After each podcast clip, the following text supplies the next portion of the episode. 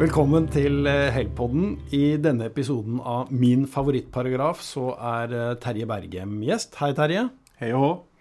Du, vi skal komme til hvilken paragraf som er din favoritt, men vi må få vite litt mer om deg først. Eh, advokat, eh, kjent for de fleste, tror jeg, i eiendomsmeglerbransjen. Eh, hvorfor er det blitt sånn, egentlig? Har det egentlig alltid hatt en interesse for eiendom. Jeg husker da den gangen man fikk boligavisa, eh, notar i postkassen, og så fikk man slike innstikk i eh, Adresseavisen, som var den vi fikk levert da. Så alltid vært fascinert av boliger og eh, Likte glansbilder? Ja.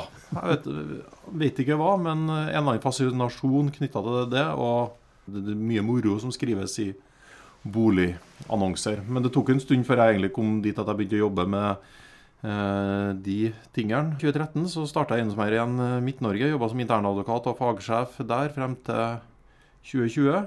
Og når du da jobber i et eiendomsmeglingsforetak, så ligger det jo i sakens natur at du jobber mye med eiendomsmeglingsjus og tilstøtende eiendomsjus, for det er jo veldig mye juss som ligger i denne pakken eiendomsmegling, som da eiendomsmeglerne må eh, håndtere. Mm. Og Vi som eh, driver med boligkjøpforsikring, vi vet jo at eh, det er et visst konfliktnivå i bolighandelen. Eh, Sett fra ditt ståsted, da, med bakgrunn fra meglerbransjen i mange år og som fagsjef, hvor er det de største problemene, eller hva, hva har skapt mest vansker for meglerne, tenker du?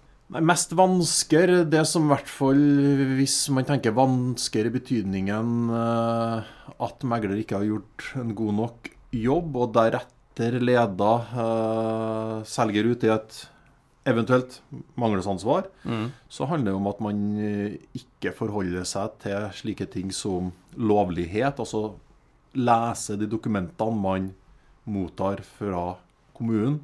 Det eh, kan avdekke eh, lovlighetsmangler, men også litt i forlengelsen av dette. Hva med avløp, eh, tillatelser til den slags? Eh, reguleringsforhold? Eh, slike ting er eh, noe eh, jeg er veldig opptatt av at bransjen må bruke mer tid på. Enkelt sagt, les og tenk over. Hva betyr dette? Hva betyr dette for den boligen jeg skal nå formidle? For det vil eh, kunne bidra til å unngå tvister etterpå. Mm. Men det du beskriver nå, det høres jo eh, litt ut som egentlig slurv eller litt sånn hastverksarbeid. Er, har det vært problemet? Jeg vil, ikke bruke, jeg vil kanskje ikke bruke de ordene, men det er et faktum at det å være eiendomsmegler er eh, hektisk. Eh, og jeg har stor respekt for de som står i den kampen hver eneste dag. Men det vet jeg jo på meg sjøl, og når ting er travelt, så kan det gå litt fort i svingene på, på enkelte ting. Mm. Mm.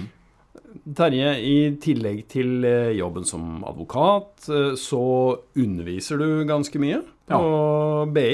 Mer høyskolelektor enn advokat, men verden har nå en gang blitt sånn at jeg har nå da denne eh, advokatbevillingen hengende med meg fortsatt, som gjør at jeg da fusker litt i advokatfaget innimellom også. For eh, Help, under det vi kaller Help-skolen, så har du nå spilt inn et kurs eh, om bærekraft og bærekraft i meglerbransjen. Hva handler det om egentlig? Er det en tordentale mot store SUV-er, som kanskje er liksom karikaturen vi har av en eiendomsmegler? Ja, Det er egentlig ikke det. Eh, I dette kurset som snakker om, så er vi jo innom en del lovgivning som er relevant i oppdragsutførelsen, bl.a., som megler da skal eh, re- re- Regler megler skal forholde seg til, og som da har bærekraftsaspekter i seg, definitivt. Dette med energiattest og energieffektivitet, eksempelvis. For oss i advokatbransjen så handler jo bærekraft eh, veldig mye om reising for vår del. Eh, vi prøver å begrense reisingen vår. Eh, av og til så krever en rettssak at man faktisk er til stede, men vi forsøker å gjøre mest mulig digitalt. Og der har pandemien kommet egentlig alle til hjelp, som er i vår og i lignende bransjer. Det blir mer og mer digitalisering. Men for meglerens del, da. Du nevnte energiattester. Megleren er jo mellomleddet mellom kjøper og selger i bolighandelen. Hva mer er det megleren må tenke på når det gjelder bærekraft? Nå ble jeg sikkert beskyldt for å være en sånn moraliserende pekefingerkar, men jeg lar meg av og til fascinere av måten meglerbransjen feirer prestasjoner på. Ja. gratulerer, du har solgt mest hus. Og de ni andre som har solgt uh, mest Mm. Vi setter oss på et fly, og så peiser vi til andre sida av jordkloden. Og har du vært ekstra flink, så tar vi også en uh, flytur på vinteren. Uh, vi, først så tar vi tar kanskje en storbytur, og så må vi nå til Alpene en tur for å kjøre ski òg. sant? Ja, det er belønningssystemet som Ja. man kanskje kan se litt nærmere på. Igjen jeg er kun en skarve advokat som kan reise spørsmålene, men jeg syns det, synes det er litt interessant å reflektere litt rundt de, de tingene der. Særlig når man ser at uh, meglerforetak gjerne også da begynner å bruke bærekraft i profileringa si og i eh, markedsføringa. Det skal litt til for at det egentlig står seg. da. Det forplikter veldig. Du nevnte bærekraftsattester for eh, boliger. Eh, vi som jobber som advokater på kjøpsida, vi saumfarer jo tekster i eh, alt fra annonser til rapporter og all dokumentasjon egentlig som hører inn under eh, kontraktsdokumentene. Er det lett å gå i baret som eh, megler også når det gjelder bærekraftspørsmål? Hvor bærekraftig en bolig er, f.eks.? Ja, tenker jeg. Historien er jo full av eh, saker hvor megler og har gått i baret og kanskje dermed dratt med seg selger, eh, fordi at man har eh, markedsført på en villedende måte. Og det er klart at eh, når du da markedsfører bærekraftsaspekter ved en eiendom, eh, energieffektiv, eh, energiklasse ditt og datt, så er det jo i en verden hvor folk blir mer opptatt av dette, så kan man raskt gå i baret her hvis man trår feil. Det er jo ikke megler som skal lage energiattesten, men jeg tenker hvis jeg skal selge huset mitt gjennom en eiendomsmegler, noe jeg naturlig nok skal gjøre, for ingen er bedre skikka til å gjøre den jobben Huset er fra 1921. Eh, hvis jeg gjør noe feil og ender opp med en energiattest klasse B, eh, da vil jeg egentlig forvente at altså Megleren kan ikke mekanisk videreformidle det videre. Da må megleren tenke stort, stort gammelt hus, 1921 B. Det var litt rart. Så der tror jeg det ligger et potensielt ansvar for, eh, for megler, ja.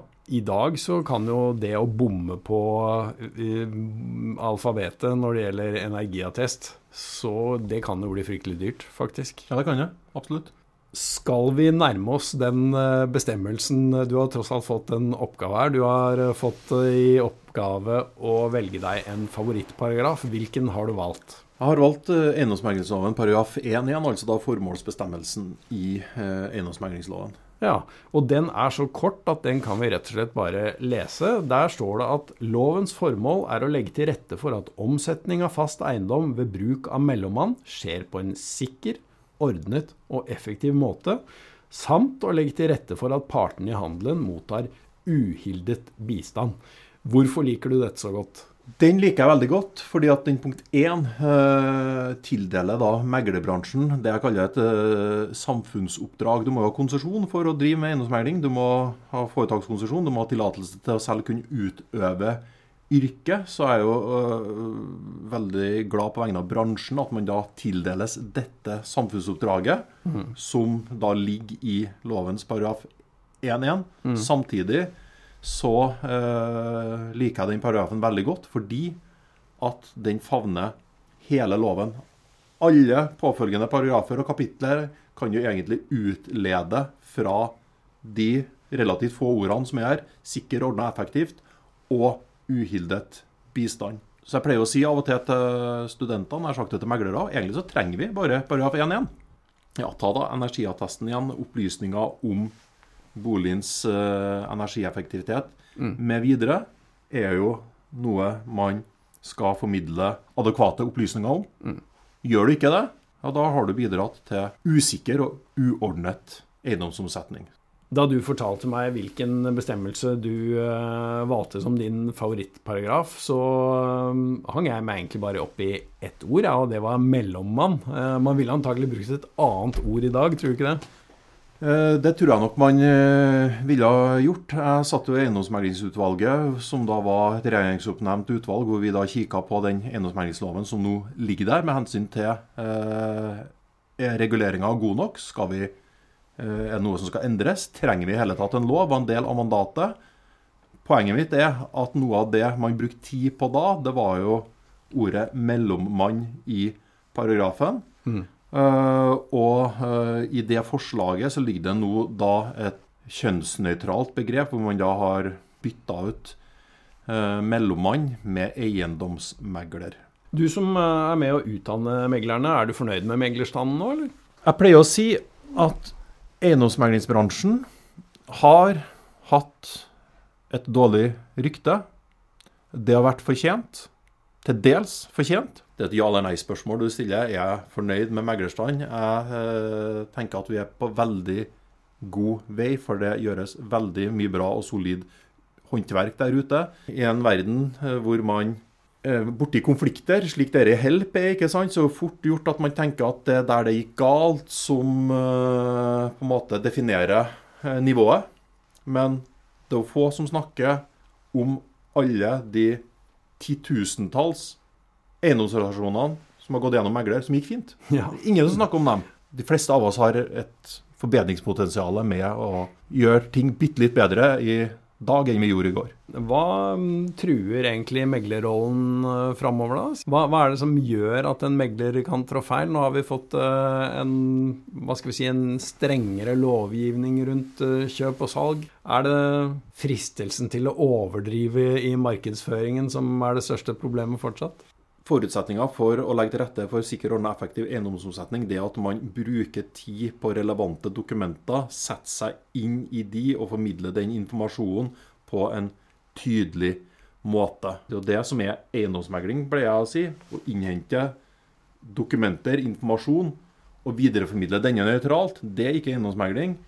Eiendomsmegling er å prosessere denne informasjonen Undersøk nærmere hvis det er ting i denne informasjonen du stusser på, for deretter å formidle hva betyr det her. Det er eiendomsmegling, og det er det viktig at bransjen hver eneste dag har med seg. Ja, Man kan jo si at uh, på den ene siden loven er blitt strengere, men den uh, har også gitt flere knagger da, som du må hake av i et Mm. megleroppdrag Mm. også. Mm. Jeg lurer på om vi skal si at det var et, eh, en liten innføring både i eh, formålsparagrafen om eh, lov om eiendomsmegling og litt om eiendomsmegleryrket generelt. Ja. Jeg vil bare si noen ord til slutt. I en verden hvor man stadig i større grad står i fare for å krenke noen, så er jeg da nødt til å presisere at norsk meglerbransje er den mest kompetente og solide meglerbransjen på denne kloden. Og det er noe bransjen bør være stolt av, men med det følger det også et ansvar knytta til da å bidra til å realisere lovens formål sikkert, ordna og effektivt. Tusen takk for at du kom og løftet fram eh, lov om eiendomsmeglings paragraf 1.1, Terje Berge. Tusen takk for meg. Alltid en glede med paragraf 1.1 i eiendomsmeglingsloven.